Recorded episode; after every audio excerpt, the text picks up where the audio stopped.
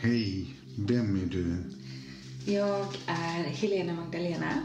Jag är författare, föreläsare, skribent på tidningen Nära, astrolog, medium, reseledare, livsnyttare och healer. Och vem är du?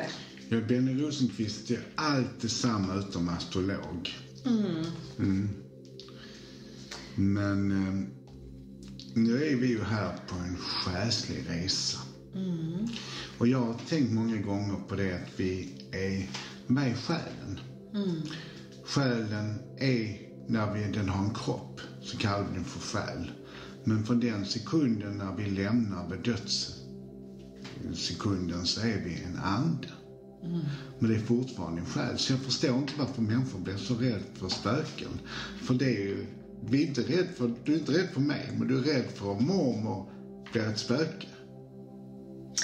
Det var lite intressant. Nu fick jag en sån här lite mind twist. Ja. Eh, för jag, jag känner nog att själen är själen. Men att den kan visa sig som en ande när den på något sätt liksom knyter an till livet den levde när vi kände den. Andevärlden säger vi ju då. Men de är ju andar på andra sidan. Då har de ingen kropp. Vi är en själ när vi får en kropp. Jaha, så ser inte jag. Det var intressant. Ja. Vad spännande. Men det är ju lustigt för till exempel läkare tror inte att vi har en själ. Nej, det är ju märkligt. Mm, Vissa, vissa gör det, men vissa läkare tror inte. De pratar inte som det är en själ. Eller att, den, att själen kan hjälpa oss med sjukdomar till exempel. Att vi kan ju läka, få en själslig läkning genom att själen hjälper oss till vårt mindset att tro vi ska bli friska. För vi har en inre läkning med hjälp av vår själ. Jag kommer ihåg för länge sedan, då hittade, jag lyssnade på, jag tror det var Lynn McTaggart som har skrivit Fältet och bandet, hon var här i Göteborg. Och jag tror att det var där, att det var hon som berättade om att det i Frankrike var en man som var med om en olycka, hamnade på sjukhus. Och då såg man när han kom in på sjukhus att han hade i stort sett ingen hjärna alls. Och han levde precis som alla andra människor men han hade nästan ingen hjärna. Och det här kan man googla på, det är väldigt spännande och intressant.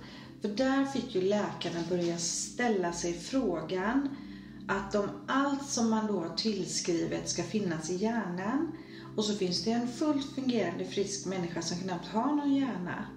Är det då så att våran hjärna sitter i själen? Sitter den någon annanstans? Så det var liksom frågor som de här forskarna och läkarna fick börja ställa sig och då visade det sig att det fanns fler människor som levde i stort sett utan hjärna. Oj, vad spännande. Det är, riktigt. jätte, det är jättespännande. Så man kan googla på A man without brain France. Och då kommer det fram så man kan läsa då de här olika länkarna där. Och då hade de fått börja ställa sig frågan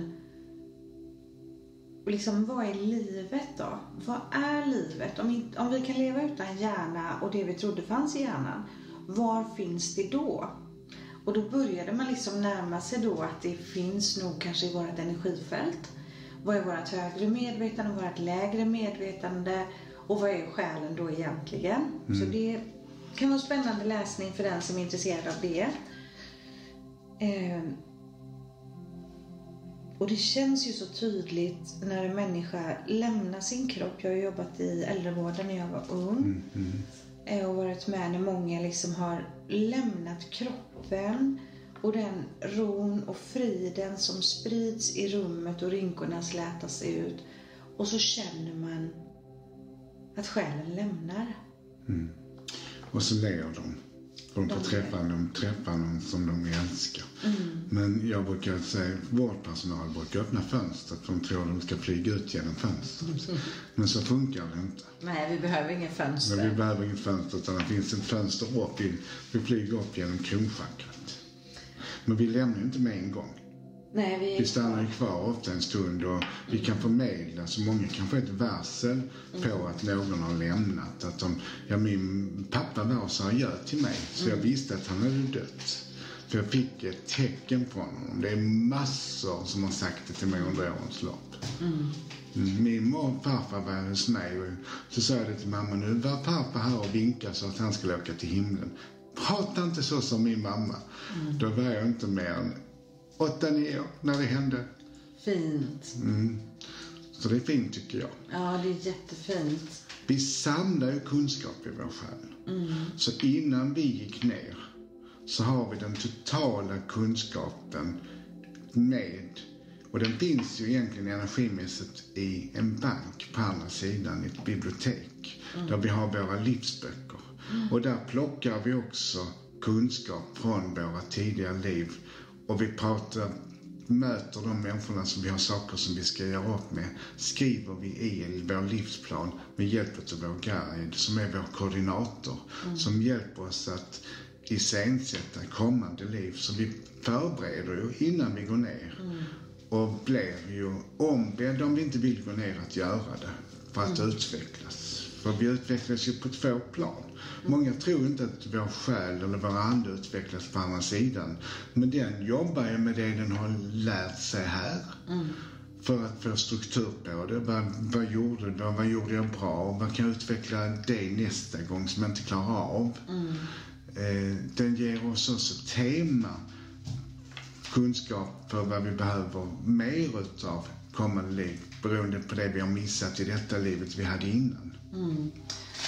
Jag är med dig helt och fullt och jag kallar det vårt heliga kontrakt, vår andliga ledare, då den här huvud, huvudguiden. Det är så jag benämnt i mina böcker. Men du, alltså din första mening här i podden, den har ju startat upp tankar hos mig nu. Mm. Så då tänker jag så här. Eh, för jag är helt övertygad om själens eviga resa. Mm. Och precis som du säger, vi, vi lär oss att utvecklas och vi kommer ner till den här planeten och det är som en skola här. Mm. Och också att vårt verkliga liv är på andra sidan. Mm. Men jag har alltid kallat det för själ, själ, själ, själ. Men jag tänker så här, det här är bara lite intressant. För jag har ju i regressionen gått tillbaks till mina tidigare liv.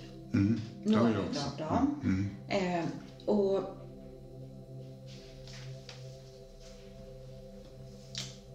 det gör ju också att vi kan ju komma igenom från andevärlden och visa oss från tidigare liv än de vi levde det senaste livet. Mm. Kallas vi fortfarande ande då? Kallar vi oss ande när vi visar vilka vi var vi levde på jorden? Eller? Ja. Så kan man säga? Ja. Ja. Mm. Så vår själ reser här på jorden. Mm. Men när vi är på andra sidan så är vi en ande. Då är vi en ande. Mm. Ja, det här är jättespännande tycker jag. Ja, det är jättespännande. Ja, men det är så kul. Och sen får vi olika uppgifter på andra sidan. Så vi kan ju bli läromästare, för vi har kommit långt om en gammal själ. Och sen kan vi bli änglar, skyddsänglar. Och sen kan vi jobba i ärkeänglarnas äh, äh, arbetsplats. Vi har ärkeänglarna som arbetsgivare kan vi säga. Fast vi får inte betalt. Mm. Och sen har vi ju då guider och det är också, då har vi kommit ytterligare lite längre i vår utveckling för att kunna guida en annan människa. Eller vi har kanske specialkunskap för att hjälpa en människa på det vi har specialkunskap i, för att den ska utvecklas i det området. Mm. Så det finns ju guider som har specialkunskap också, som får uppgift för en eller flera att jobba med kunskap som de behöver, mm. så att säga. Ja, och de kan ju komma och gå under våra liv. Mm. Eh, och det kan vi ju känna när det kommer in en ny guide. Så kan vi ju känna en skillnad då via våra sinnen, att det är som en annan energi, en guide som har kommit in för att hjälpa oss med det vi står inför nu i livet. Mm. Och sen har vi ju oftast, vi kan byta huvudguide. Mm. Men det är sällsynt. Men har man problem så kan man få en andlig skilsmässa. Mm. Då lägger man in skilsmässopapper och säger vi kommer inte överens. Och det är ofta guiden som gör det. Vi kan inte kommunicera. Mm. Och det är undantagsfall. Jag har haft samma guide sen jag var liten. Mm. Har du inte det också? Huvudin... Jag har samma andliga ledare. Mm. Det har jag haft. Och eh, jag hade inte tänkt så himla mycket på det där egentligen. För jag läste en bok för ganska många år sedan som heter Ditt heliga kontrakt av Caroline Myss. Mm. Eh, för jag visste vem som var min andliga ledare. men den här boken påverkade mig så att jag började titta bakåt på mitt liv och kunde verkligen se en röd tråd kopplad så att jag förstod varför jag har just den andliga ledaren. Eh, och hur mitt livs tema fortsätter att vara en koppling mellan andlighet och kyrka. Mm. Och Jesus. Mm. Och hur jag balanserar på stigen i det här. För det är Jesus som är min andliga ledare. Och det är mm. många som har honom givetvis. Ja. Um, det är paketpris. Ja, han har paketpris. Mm. Uh, det finns många som älskar Jesus ju. Ja, precis. Och um, hur jag då kunde se genom, genom mitt liv hur religionen har påverkat mig. Ehm, hur jag 17 år och 11 månader gammal flyttade till just Israel då, Jesus land givetvis. Sådär och ett tag så upplevde jag att det var väldigt, väldigt tomt, att jag inte riktigt fick kontakt med min andliga ledare. Utan jag hade väldigt lätt att jobba som medium och, och ha kontakt med andra guider och sådär. Men det, det kändes nästan som att jag var lite övergiven ett tag. Tror du man kan vara det? Att det kan också vara att man provar så man klarar sig själv. Mm. Alltså den är där hela tiden. Men sen är den ju, kollar av som förälder, alltså, nu ska vi se om hon kan gå själv. Mm. Och det, det vet själv när du går dina första steg som barn så sitter mamma och försöker landa upp när du trillar. Man ger ju tillstånd till att man ska gå själv. För det är ju meningen att guiden ska vara som en GPS som kommer in när man behöver. Mm och den ska vägleda och det var ju bevis på att nu behöver du kanske inte så mycket guidning för du klarar du kan gå själv, du är din egen GPS just nu. Mm. Så periodvis tror jag guiden kanske är tystare. Mm. Beroende på att just nu kanske du ska utvecklas själv, att den ska inte hjälpa dig. Detta måste du kunna själv, det är kapitel i din livsbok som mm. du måste kunna för att kunna utvecklas mer själv. Eller så litar guiden på att du kan detta, att nu, nu är den självgående. Mm. Ja, och det är intressant för jag vet, jag kommunicerar ju mycket med min andliga ledare. Mm. Och under den tiden så fick jag väldigt mycket gräv du står, gräv du står, gräv där du står. Att jag inte skulle rusa framåt så i livet utan det var en tid när jag skulle börja stanna upp. Det var några år innan de sista tre böckerna kom och sådär. Så att det var som en stoppskylt på något sätt. Mm. Och då när jag såklart ville ha guidning och, och vart jag skulle framåt och allting det här, då var det tomt där. Mm. Tills jag hade grävt där jag stod. Sen visade min andliga ledare, för jag ser ju mycket bilder då, då visade, visade den här, och det slår mig nu, det slår mig nu, detta var precis inför pandemin. Mm. Det var då det var. Mm. Att det skulle vara stilla. Mm, det blev stilla också. Ja. Så jag tycker man utvecklar, man utvecklar sig själv mycket under covid. Mm. Pandemin var ju en utveckling för många människor. Man blev exkluderad samhället. Mm. Och man blev tvungen till att tänka efter och reflektera på ett annat sätt. Mm. Det var värdefullt för oss. Det var som en laddning av batterierna på något sätt. Och det slår mig att det var kanske något år innan där som den här uppfattningen var och så också uppmaningen gång på gång, gräv där du står, gräv där du står, gräv där du står. Det här, jag har ju haft alltid väldigt bråttom i livet, framåt, framåt, framåt. Um, ja, det är väldigt, väldigt intressant. Och jag brukar också säga så här att våran själ, den är ju mer långsam än våran personlighet. Och är det då så att många utav oss, vi har ju liksom mycket agenda, mycket stress, framåt, framåt, framåt, framåt. Då kan man ju missa lite av de här signalerna från själen. Upplever du också att du... Nej, det gör jag nog inte. Utan jag är ju, med att jag mediterar så mycket. Rätt svar. Ja, för jag gör ju det två gånger om dagen för då stannar jag upp och lyssnar på själen. Så det, jag har ju alltid att jag skannar av vad som ska hända. Så för det är nog tur, för jag springer ju jättefort annars. Så jag har ju hur många trådar på gång alltid per dag. Så om jag inte hade stannat upp och lyssnat meditativt så tror jag min själ hade haft jobbet. Då hade ni protesterat mot mig. Mm. För den hade springit efter mig i farten. Ja, precis. Och det var helt rätt svar. Det var därför jag ställde frågan på det sättet. För jag vet att du är fantastisk på att meditera varje dag. Mm. Eh, jag mediterar oftast varje dag, men vissa perioder så gör jag inte det. Och då springer jag på. Och vad händer? Jag blir mer och mer orolig.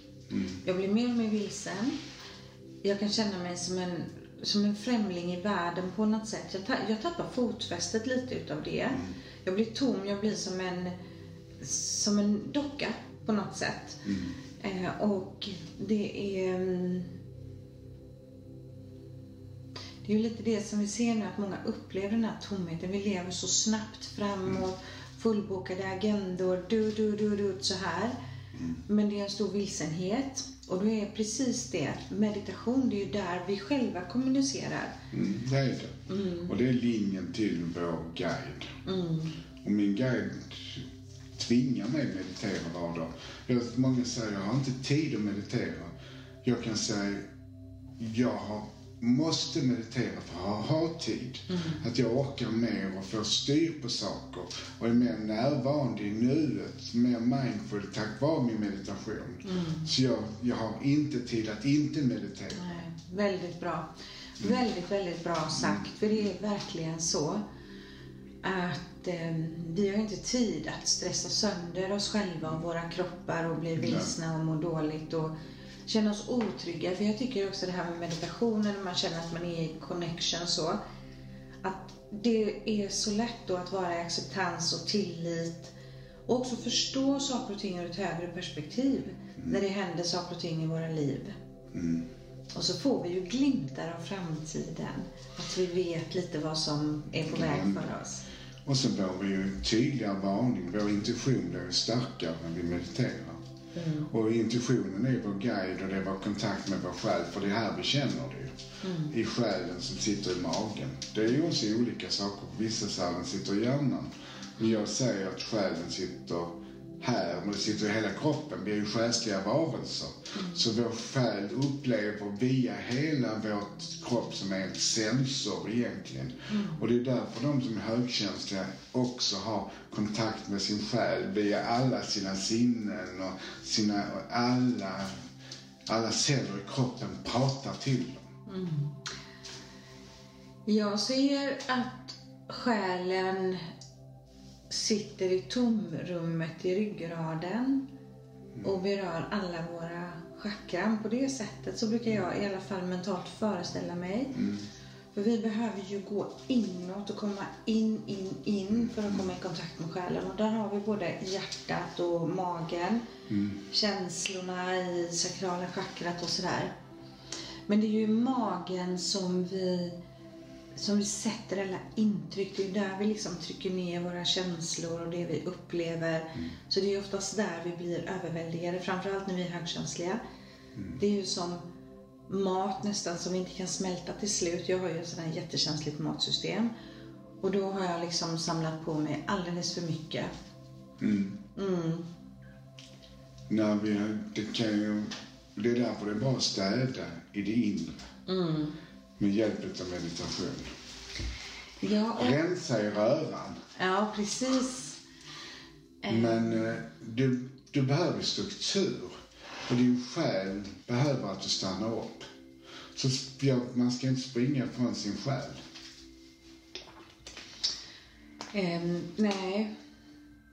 Det är en viktig läxa att verkligen låta sig själv komma ikapp och lyssna till den här guidningen. Och väldigt många människor nu är ju väldigt medvetna om det här och vill utveckla detta mer. För det är också där vi kommer i kontakt med våra mediala gåvor och stärker dem. Det är ju när vi är intonade.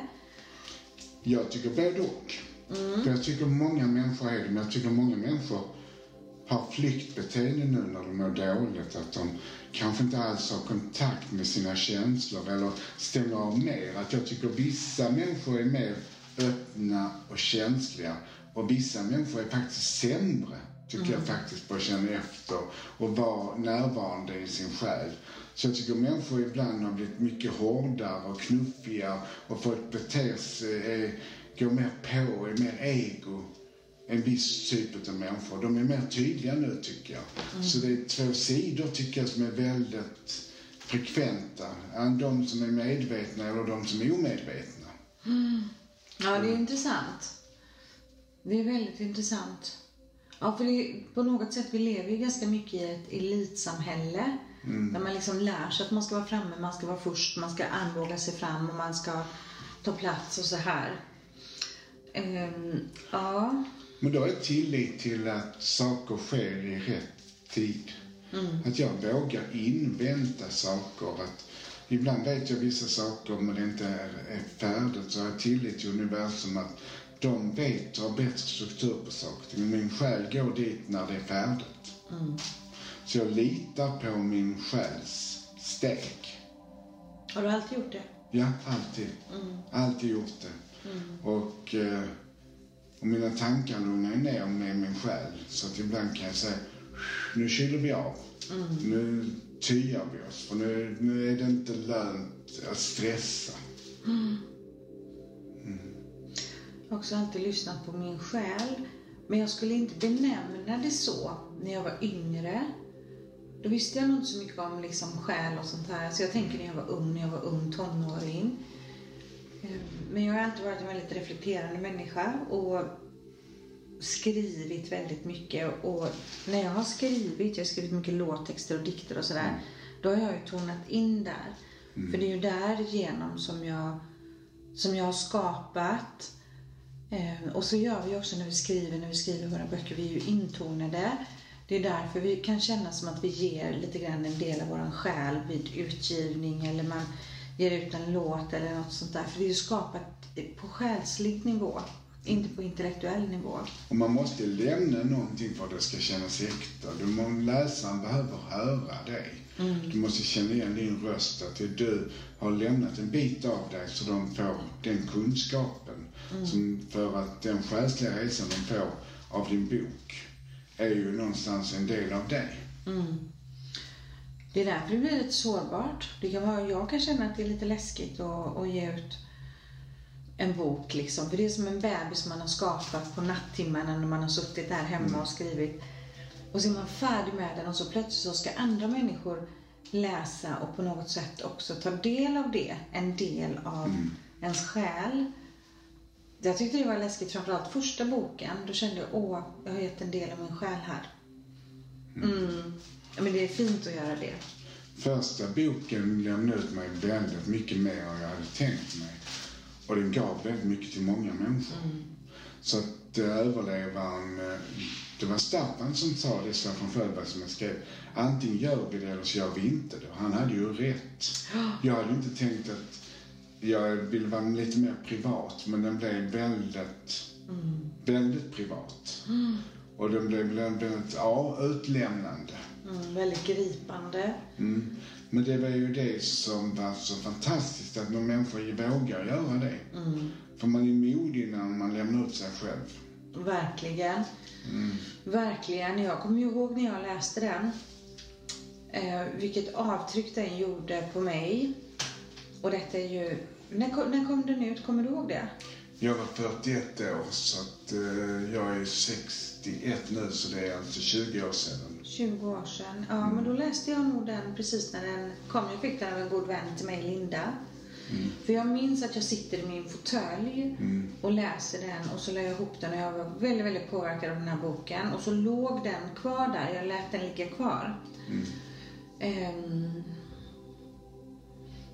och det är väl det också som gjorde att den var så fantastiskt gripande. Det var ju för att den var så äkta och så sann. Eh, För man kan känna ibland att vissa böcker de är så tillrättalagda så det är som att man får, en, man får smulorna men man får liksom inte kakan på något sätt. Men jag förstår att den kan ha känts utelämnande. Mm, men det var ju själsligt viktigt för mig. Det var en själslig resa. Mm. Men det är alltid skönt att lämna av någonting. För det känns som nu behöver jag inte gå tillbaks. Så det blir också en form av terapi när man skriver så utlämnande böcker. För det blir ju att man faktiskt jobbar med sig själv. Man är tvungen att jobba med sig själv en gång till. Att titta på det man har varit med om. För det blir ju så nära en för att det ska bli äkta. Ja. Mm. Och det känns ju i, genom orden i böcker. Det gör det. Och de som verkligen kan gripa tag i en, det är de som som pratar till ens själ och som gör att man ser bilderna, som har ett bildspråk också, själsligt bildspråk. De blir ju fantastiska författare. Mm. Mm. Mm, verkligen. Ja. Och jag älskar det här liksom känslan av att vi reser med våran själ i liv efter liv efter liv. Mm. Och att den är evig. För själen är ju energi och energi kan aldrig dö. Det kan bara förändras, ändra skepnad. Men själen är ju vårt riktiga liv. Det är det. Men själen reser vi och till där vi verkligen lever, det är på andra sidan. Detta är bara en förberedande på det riktiga livet. Mm. En skola. En skola, En tuff skola. det är det. Mm. Men vi får inte mer än vi klarar av. Nej. Ibland undrar man, vissa människor verkar ha tagit på sig lite tuffa uppgifter. Mm. Men vi klarar det. Och vi går, hur mycket vi än går igenom så klarar vi det. Ja, vi gör det. Ja, men det var ett fint samtal om själen, anden, livet mellan liven, tidigare liv och livet i detta livet. Och hur spännande det är, hur otroligt spännande det är. Det är det. Och vad spännande livet är. Att det är en gåva vi har fått med vår själ. Och att den är där med oss alla. Och vi ser det också, orben till exempel på bilden. Att vi kan fånga själen på foto. Att det är någon som hälsar på oss från andra sidan som är som en rund boll som vi ser. Och det är en aura, det är våra färger med som vi hade i vår aura. Det är väldigt fint tycker jag. Det är jättefint är det. Ja, och nu ska vi ta och avrunda det här själsliga samtalet. För idag så, ja, vi skickar med er, våra lyssnare, just det här att meditera. Det är så vi kommer i kontakt med vårt själsliga jag. Våra guider, andliga ledare, änglarna, de som finns runt omkring oss. Och hur vi ständigt guidas på vår resa här genom livet. Och vara tacksam att vi finns här just nu. Att inse att du är speciell och du ska leva nu när det händer mycket. För vi utvecklas mycket snabbare just nu. Det går fortare nu och det händer mer med oss allihopa. Och det är en spännande tid vi lever nu. Det är det verkligen. Så tusen tack ni som lyssnar. Nej, nej, nej. Jo, jo, jo. Tack så mycket. Puss och kram. Puss och kram på er. Hej då.